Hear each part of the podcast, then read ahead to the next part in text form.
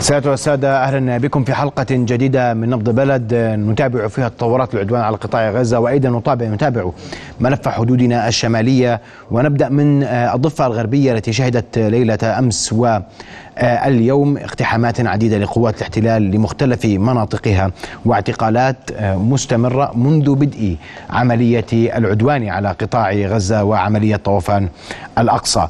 الحديث حول هذه التفاصيل أرحب بداية بالكاتب والمحلل السياسي معنا مباشرة من جنين سامر عنبتاوي. أستاذ سامر مساء الخير وأهلا بك في نبض بلد وأبدأ معك بالاقتحامات مستمرة تزداد وتيرتها ويبدو أن هناك نية مبيتة لدى الاحتلال من اقتحامات الضفة الغربية ومختلف مناطقها. هل تتفق مع ذلك وبرأيك ما هي نوايا الاحتلال اليوم تجاه الضفة الغربية؟ رؤيا بودكاست الضفة الفلسطينية فعلا إذا ما إذا ما نظرنا لقبل 7 أكتوبر قبل ما حصل 7 أكتوبر كان هناك توجه واضح تجاه الضفة الفلسطينية من قبل الجيش الإسرائيلي.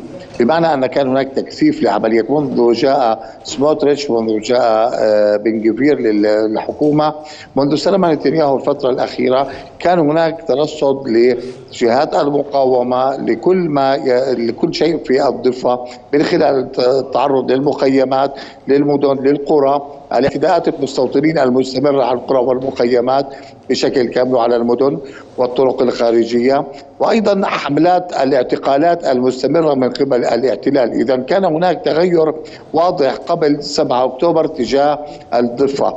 ولكن ما حصل بعد 7 أكتوبر كان يتضح أن هناك هجمة وغير مسبوقة على الضفة في كل النواحي في تطوير كل العمل الاحتلالي. من عمليات الاغتيال اليومي من عمليات الاعتقالات.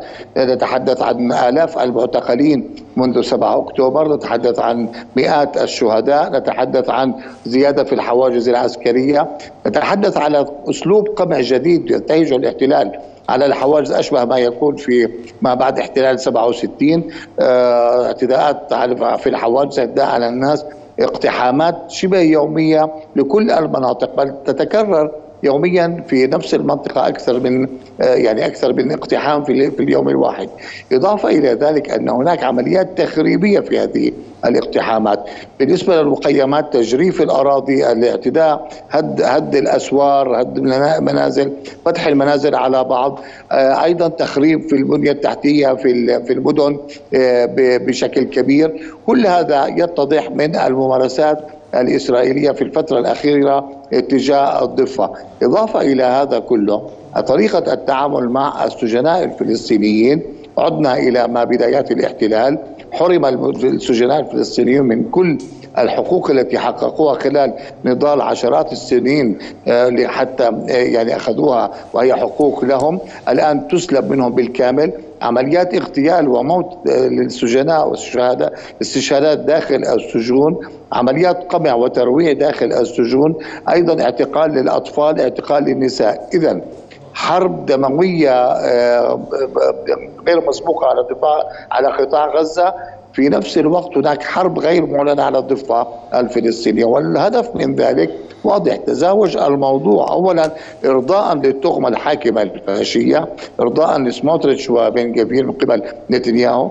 أيضا انتقاما من الفلسطينيين سواء كانوا في الضفة أو في قطاع غزة. وثالثا هو تمهيد الأمور داخل الضفة نحو الضغط على السكان بغية التهجير الداخلي والتهجير إلى خارج الضفة من قبل بحيث تحويل الصراع داخل الضفة بين المستوطنين وبين العرب إلى حالة أشبه بما كان قبل عام 1948 إذا الاحتلال الآن ماضي في هذا البرنامج ماضي في كل الإجراءات يستغل انشغال العالم بالتركيز على قطاع غزة ولكن يعني طبعا هذا حق. قطاع غزة ما ما يبذله من دماء من من من بنية تحتية من اعتداء على كل المباني المستشفيات عشرات الآلاف الشهداء الجرحى المشردين. هذا يأخذ اهتمام الكل بما في الضفة الفلسطينية ولكن هناك أيضا محاولة لتمرير هذا المشروع على الضفة مستغلين الحالة العامة في قطاع غزة. بالأمس كان هناك اقتحامات لأكثر من مدينة. رام الله نابلس جنين طول كرم الخليل. في أكثر من مجال وأيضا أسلوب جديد بمهاجمه المصارف آه، محلات الصرافة ومصادرة الأموال آه، بملايين الشواكل من هذه المحلات وتعليق أوراق يعني على أبواب هذه المحلات بأنها مغلقة بأمر عسكري ثم يخرج من آه، جالنت وزير الحرب الإسرائيلي ليقول أن هذا استهداف للأموال بين مزدوجين الغير مشروعة ولكن هذه مصادرة للأموال الفلسطينية. تم اعتقال أصحاب هذه المحلات تم اعتقال الموظفين في هذه المحلات وهذا يضاف إلى العبء الاقتصادي الكبير الذي يفرض على الضفة. الآن هناك حصار اقتصادي على المدن. هذا يترافق مع هذه الاجتياحات مما يجعل يعني الدخول إلى المدن من خارج هذه المدن من القرى المحيطة أو من أهلنا في 48 مستحيلا. أيضا آه، التعديات والحواجز التي قد يصل تصل أن يقف المواطن على الحاجز الواحد ساعتان أو ثلاث ساعات حتى يجتاز الحاجز. المسافة التي تقطعها خلال ساعة أو أقل تحتاج إلى ساعتين وثلاث ساعات إن لم يطرأ أي طيب. يعني من المضايقات الجديدة من الاحتلال. واضح أستاذ سامر ابقى معي أنه في نقطة مهمة جدا وهي أن كل ما يحدث في هناك ارتفاع في وتيرة ما يحدث في الضفة الغربية. هناك استهداف لمدن لم تكن سابقا ضمن أهداف الاحتلال في اقتحاماته المستمرة للضفة الغربية منذ آه، سنوات. لكن هناك دخول لرام الله على الخط هناك المزيد من الاقتحامات للخليل طول كرم. وأيضا آه، هناك تجاوزات كبيرة في اقتحامات جنين آه، تحديدا باستهداف مخيمها ومدينتها ومستشفياتها. وهو أمر لم نعهده سابقا في اقتحامات الاحتلال للمدن الفلسطينية. وهناك من يقول أن كل ذلك يندفع في إطار أن الاحتلال يريد مزيدا من الضغط على فلسطيني الضفة الغربية لمنع أي انتفاضة ممكنة أو محتملة في الضفة الغربية وسيأتي لهذا السؤال. آه، لاحقا قبل ذلك أرحب بجهاد آه، حرب الكاتب والمحلل السياسي معنا مباشرة من آه، مكتبنا في رام الله. وأستاذ جهاد أود أن أسمع وجهة نظرك في يعني لماذا كل هذا كل هذه الحرب التي تخاض على الضفة الغربية؟ لماذا كل هذه الاقتحامات لمخيمات الضفة الغربية ولمدنها؟ وأخيرا الهجوم على محلات صرافة. لماذا كل ذلك الآن؟ وهل هناك ما يقلق الاحتلال في الضفة الغربية؟ بكل تأكيد آه، هناك ما يقلق الاحتلال الإسرائيلي في الضفة الغربية خاصة أن الصراع الرئيسي والأساسي هو على الضفة الغربية أو أراضي أراضي الضفة الغربية. والإعتقادات والرواية الإسرائيلية التي تعتقد أن الضفة الغربية هي يهودا والسامرة وبالتالي الصراع اليوم هو في الضفة الغربية أكثر من قطاع غزة على الرغم ما نشاهده من دمار ومن قتل وإبادة جماعية للشعب الفلسطيني في قطاع غزة. هناك أسباب متعددة على سبيل المثال فيما يتعلق بالمصارف آه، أو بمحلات الصرافة إسرائيل تعتقد أن هذه المحلات هي تزود حركة حماس أو مجموعات حركة حماس في الضفة الغربية بتمويل آه، خاصة أن هناك عمليات مالية وأعتقد أن هذا آه، تتضرع به الحكومة الإسرائيلية لكن هي تريد خنق الضفة الغربية اقتصاديا وكذلك خنق أي تنظيم سياسي فلسطيني أو مجموعات مسلحة من الحصول على أموال من أجل آه، تطوير قدراتها لمقاومة الاحتلال الإسرائيلي. الأمر الثاني فيما يتعلق بهجومها على أو اقتحامها للبلدات والمخيمات تحديدا في شمال الضفة الغربية هو لنزع الثقة بين الجمهور الفلسطيني والمقاومة الفلسطينيين أو نزع الحاضنة الشعبية التي تلتف حول المقاومة الفلسطينية. وهنا في استطلاعات الرأي الأخيرة أشارت إلى ثلثي الشعب الفلسطيني يؤيدون الكفاح المسلح باعتباره خيارا لإنهاء الاحتلال الإسرائيلي وبالتالي هناك زيادة بالحاضنة الشعبية للمقاومة الفلسطينية.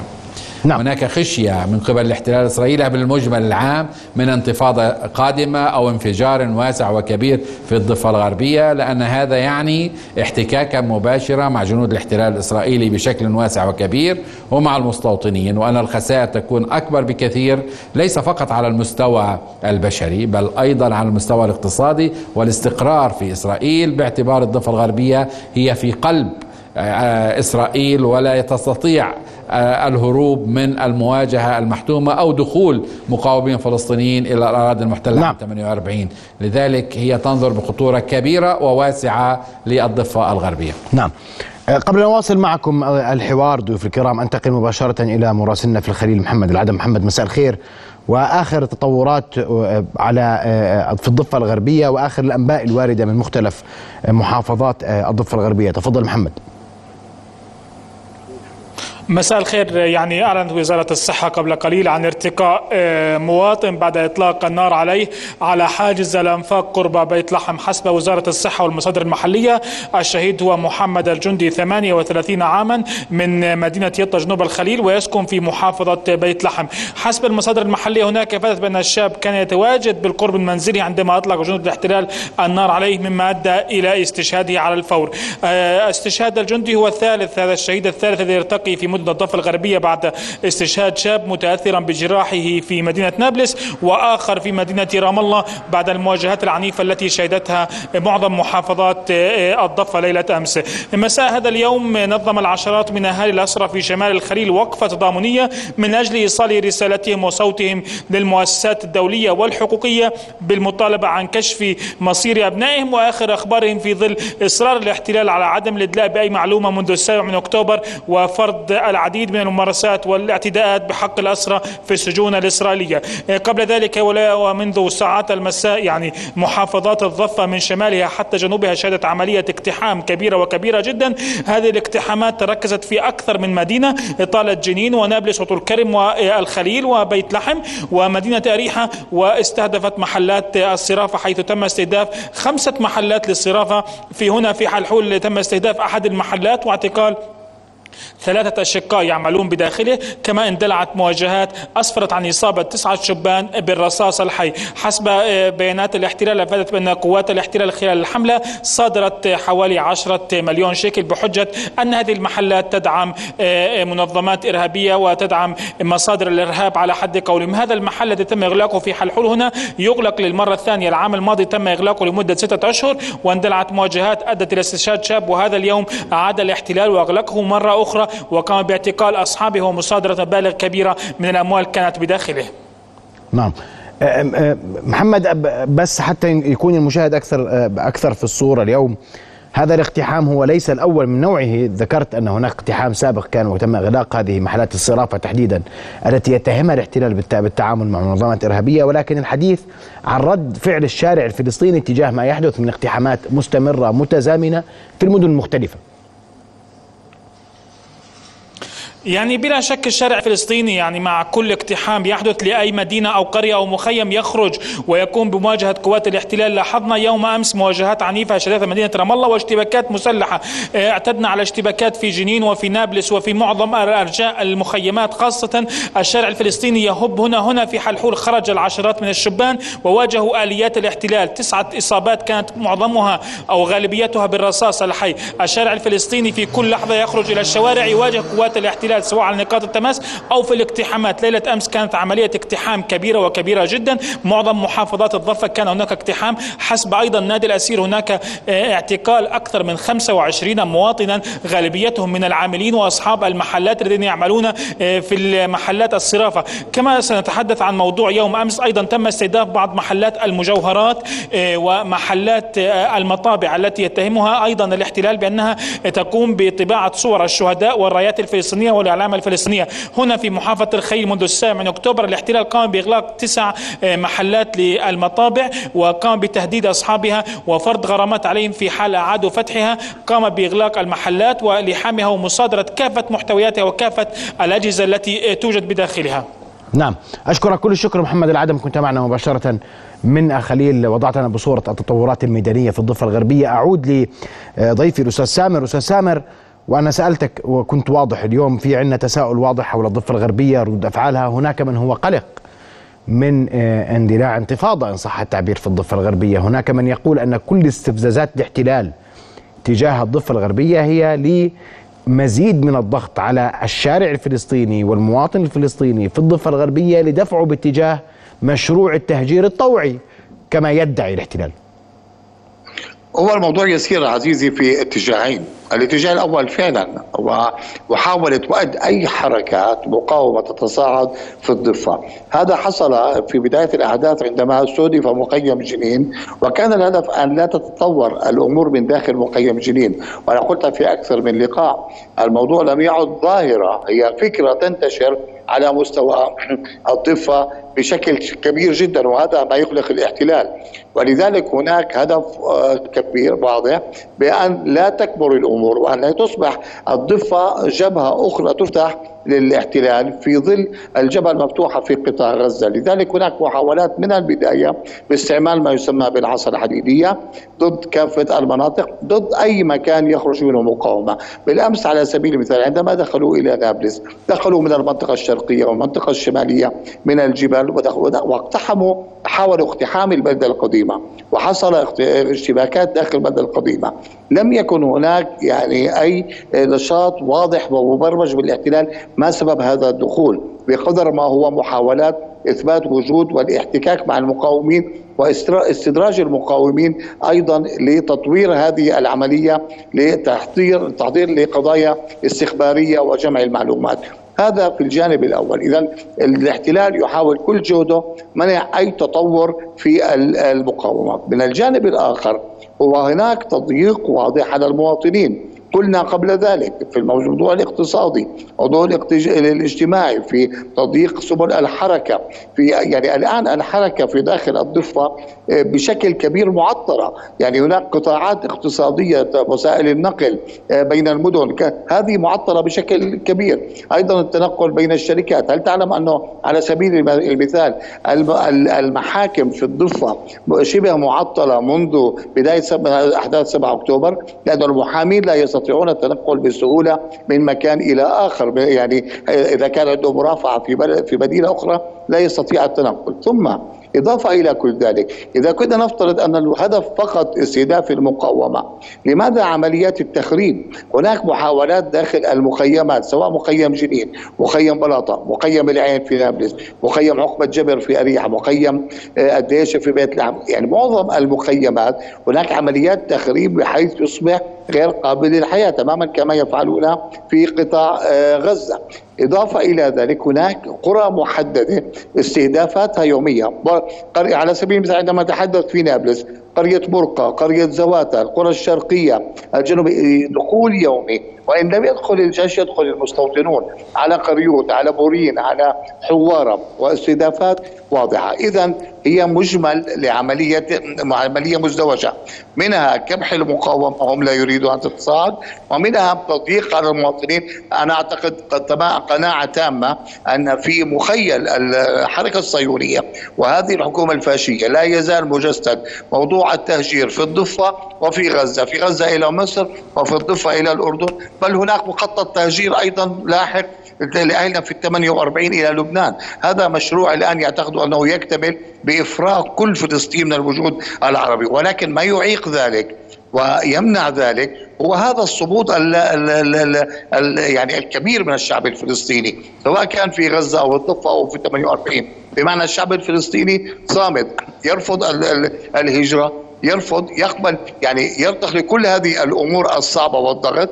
ولا يفقد الرغبة أو الوازع على المقاومة المستمرة لكل المشاريع الصهيونية، لذلك هناك اصطدام واضح بين هذه السياسة وبين إرادة الشعب الفلسطيني وهذا ما يجعل الأمور تتصاعد بشكل أكبر. نعم، أستاذ جهاد أسمع وجهة نظرك في هذا الإطار، الضغط المستمر على الفلسطينيين دفعهم باتجاه انتفاضة جديدة في الضفة الغربية قد تدفع بمشروع التهجير آه، آه، للأمام وفق وجهة نظر الاحتلال. والبعض يقول أن الضفة الغربية اليوم تقف في وجه الاحتلال وهي أكثر حصارا من غزة إن صح التعبير أضعف عسكريا من غزة إن صح التعبير أيضا.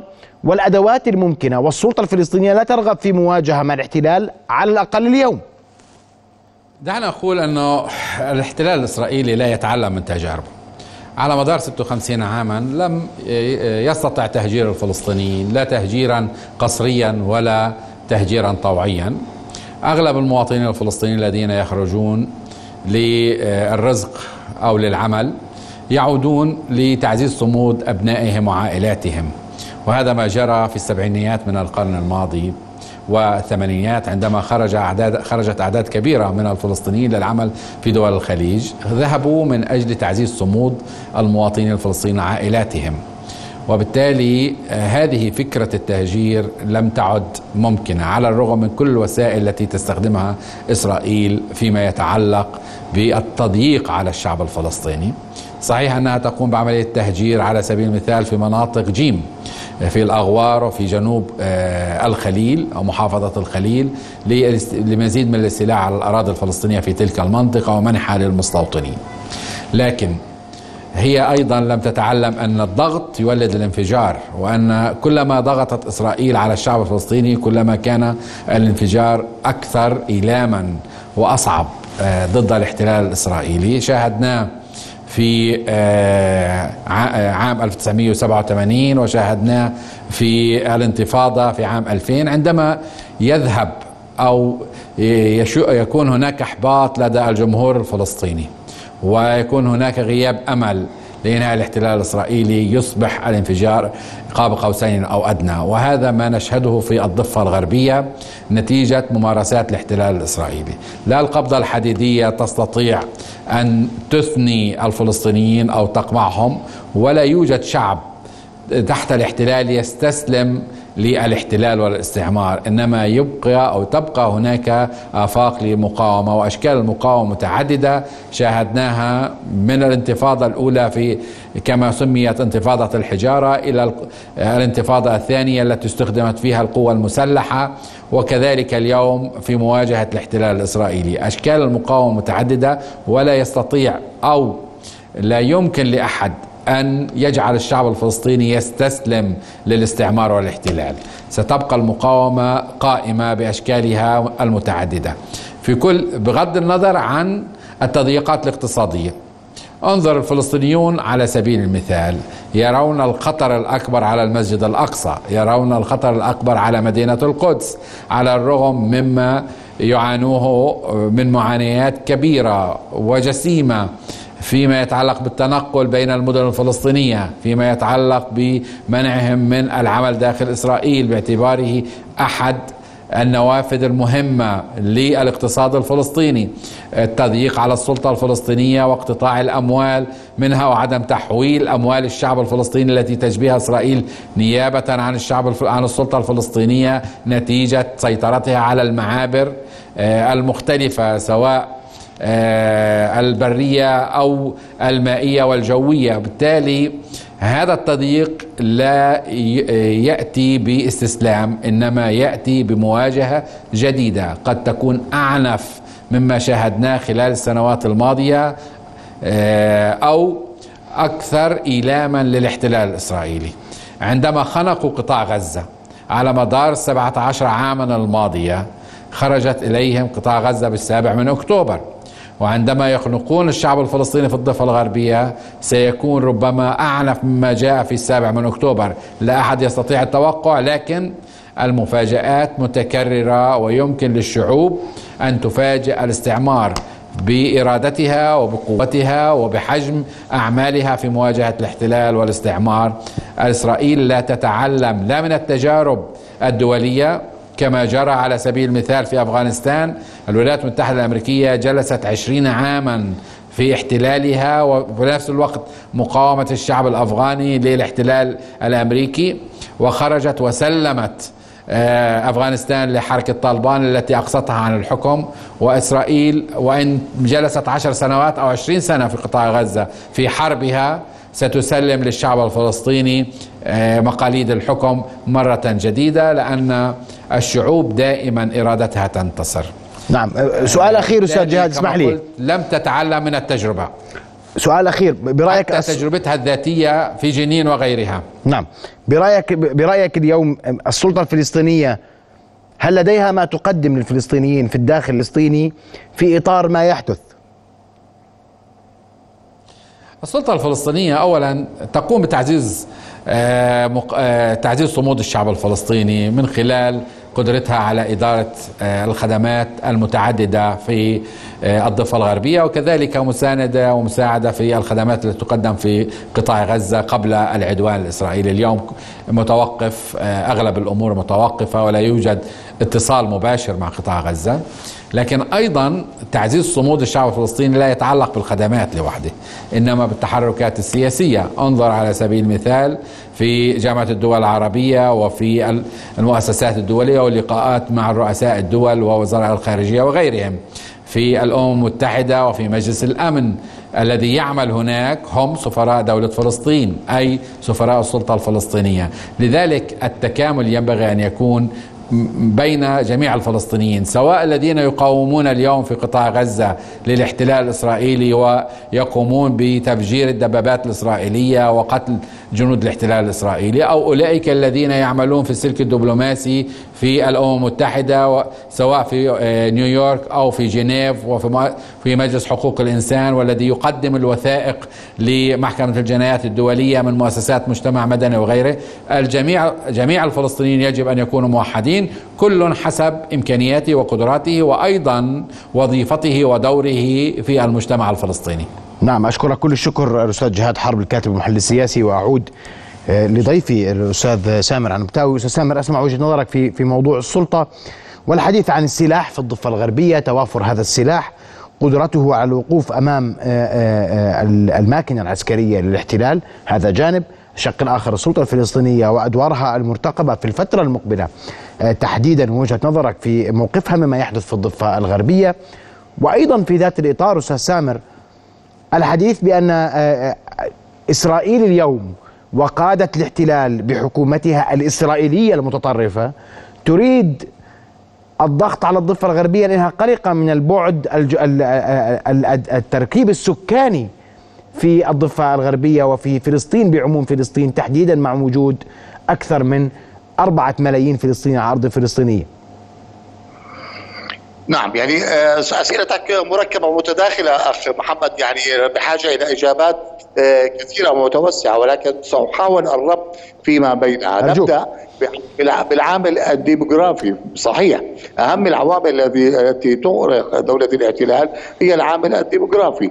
الآن الفلسطينيون في حدود فلسطين التاريخية من ناحية العدد أكثر من عدد الإسرائيليين داخل هذه الحدود. وبالتالي بالاضافه أيضا هناك تنامي كبير في عدد السكان وامتداد. وهم يحاولون توسيع المستوطنات على حساب الفلسطينيين في هذا المجال. لذلك العامل الديموغرافي مهم جدا وأحد عوامل الهواجس التي تعاني منها دولة الاحتلال والتي تسعى من خلال تطوير عمل المستوطنين وتسليحهم وتدعيمهم في ان يكونوا هناك الآن الحديث عن 140 ألف قطعة سلاح لدى المستوطنين الامتدادات الجغرافية للمستوطنين الآن نتحدث عن نحو 800 ألف مستوطن في الضفة هؤلاء يسلحوا يرتبوا وتعطى لهم الأراضي والتوسع على حساب الوجود الفلسطيني ليعزل الفلسطينيين في معازل. إذا العامل الديموغرافي مهم جدا.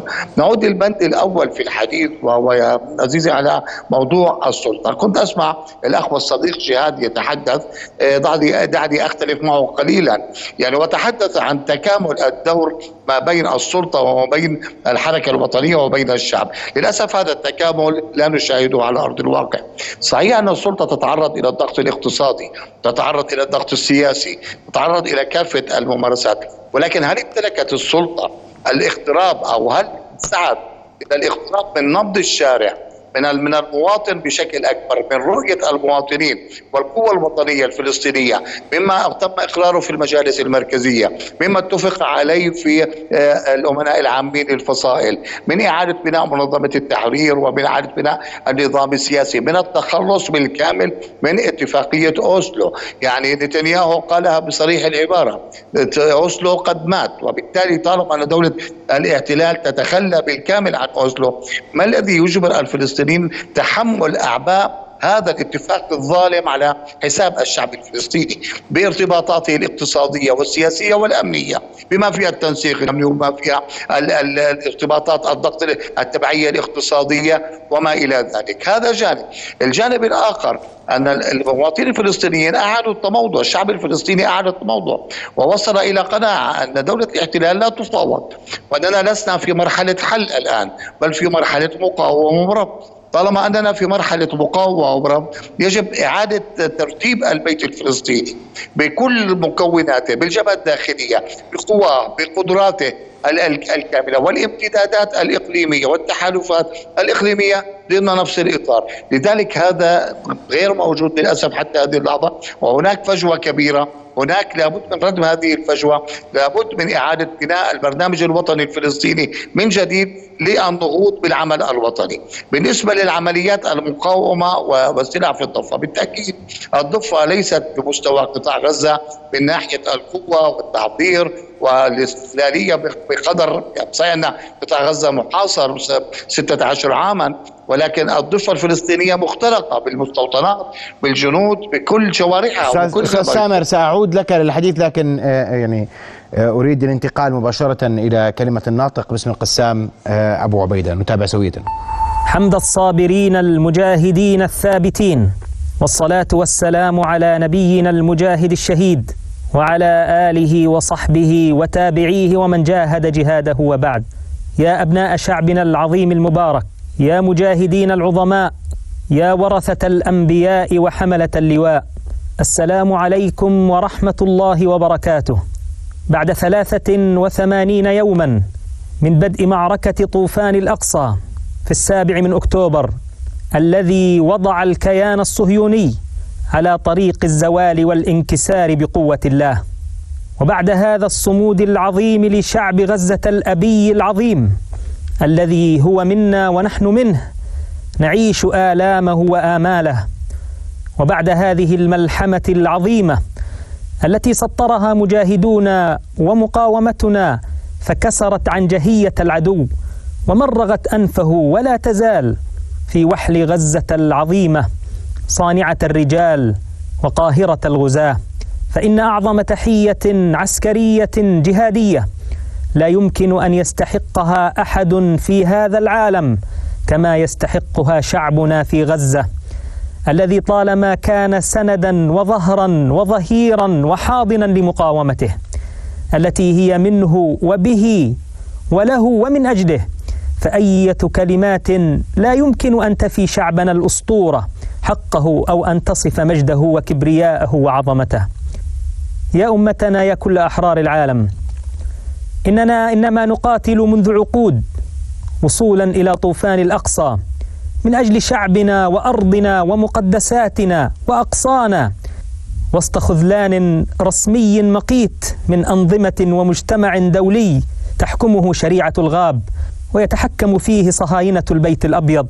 هؤلاء الظلمة القتلة السحرة الذين يريدون أن يقولوا للعالم بأن التاريخ بدأ من السابع من أكتوبر.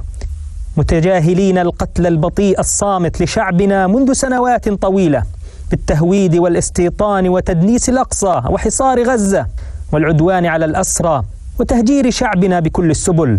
ثم يتباكون على الصهاينة عندما وجهنا لجيشهم ضربة القرن ودفعناه ثمن جرائمه وقلنا للعالم بأننا شعب يطلب الحق والحرية والحياة.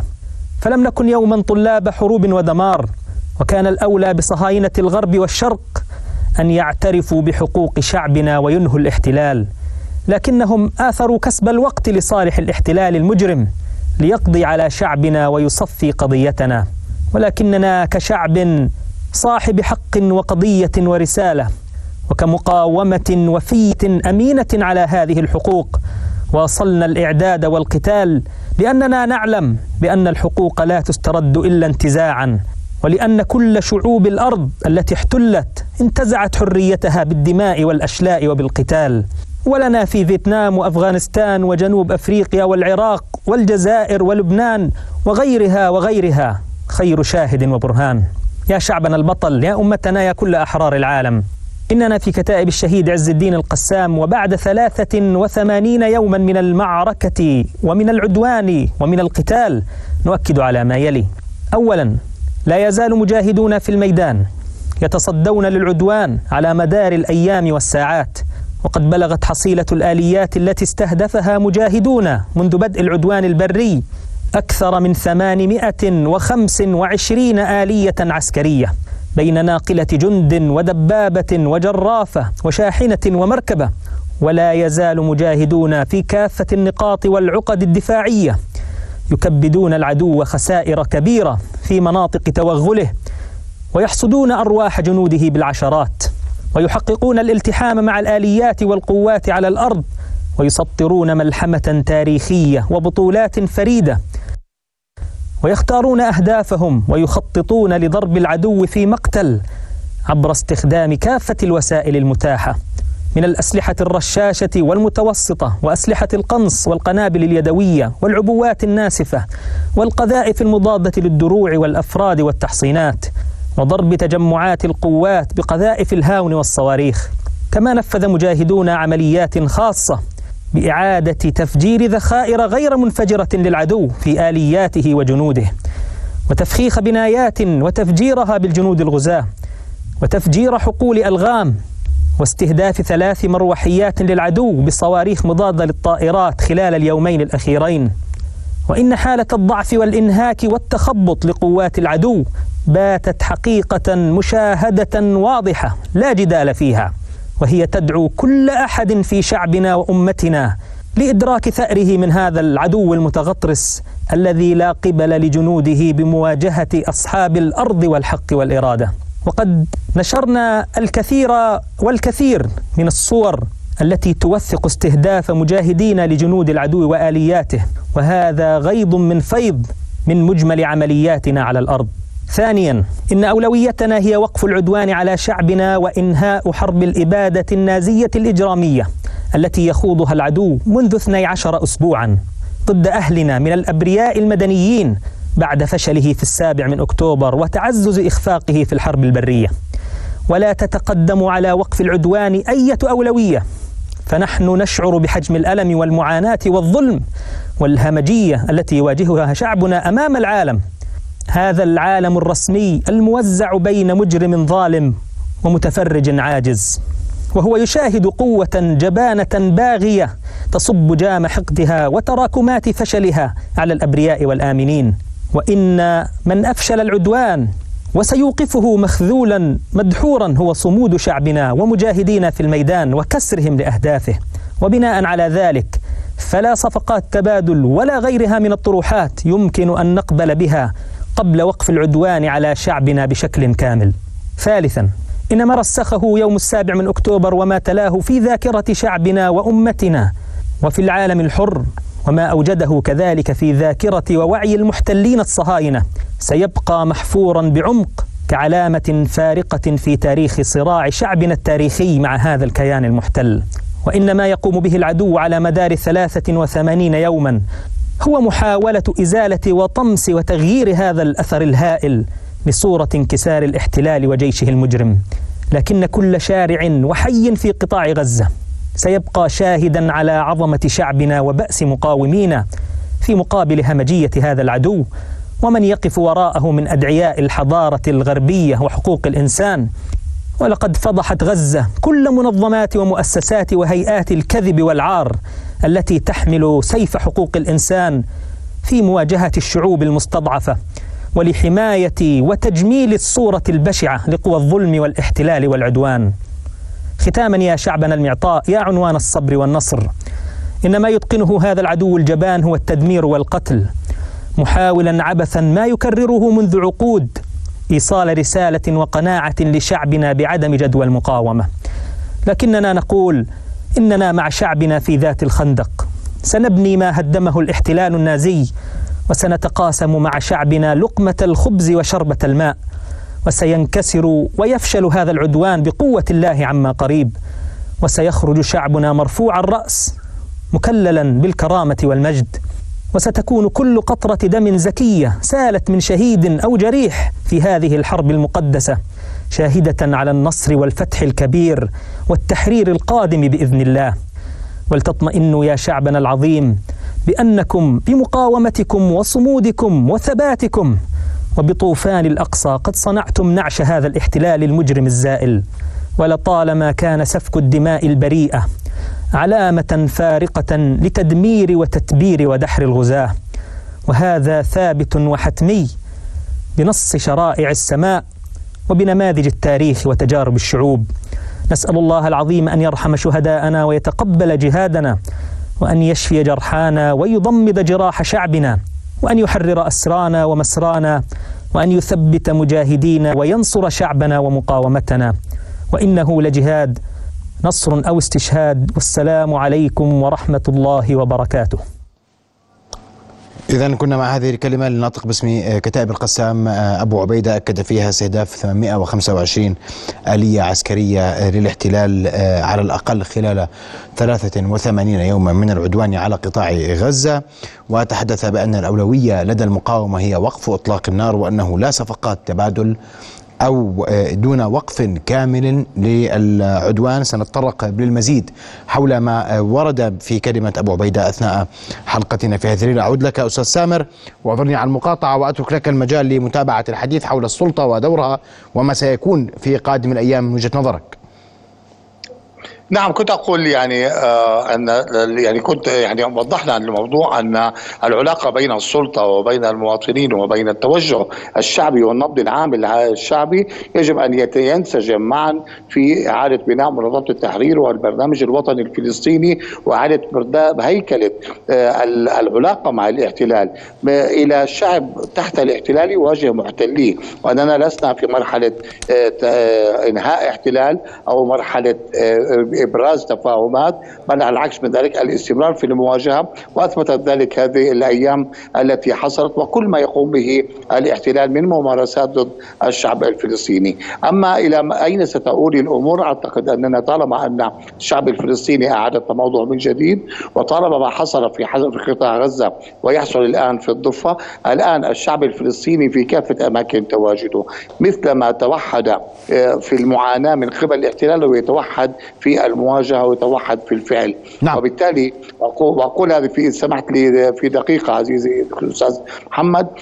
في في يعني برنامجك المحترم وقناتكم المحترمة في اردننا الحبيب أوجه هذه الرسالة وأقول بشكل واضح وما قلته في كثير من اللقاءات. الشعب الفلسطيني تعرض منذ 75 عاما إلى حملات من الإجرام والتعسف والظلم الذي لو حصل لأي شعب في العالم لتحول مواطنوه ومنظماته إلى إرهابيين في العالم يقومون بعمليات القتل في كافة أنحاء العالم. ولكن الشعب الفلسطيني لم يفقد البوصله حتى رأينا أبو عبيدة في رسالته قبل قليل يقول نحن لسنا دعاة حرب لسنا دعاة موت ولكن دعاة حرية وتخلص من الاحتلال. الشعب الفلسطيني بقي محافظا على بوصلته صامدا على أرضه رغم كل هذه المهيقات وكل هذا الهجوم من هذه يعني الحركة الصهيونية الفاشية وهذا ما يثبت الشعب الفلسطيني ويرفع اسهمه والآن على مستوى العالم الشعب الفلسطيني يرتفع إلى أعلى المستويات في القبول العالمي والتفاهم العالمي نعم. للرواية الفلسطينية واندحار الرواية الصهيونية في هذا المجال. أشكرك كل الشكر أستاذ سامر عنبتاوي كنت معنا مباشرة من نابلس أشكرك كل الشكر على وجودك معنا. رؤيا بودكاست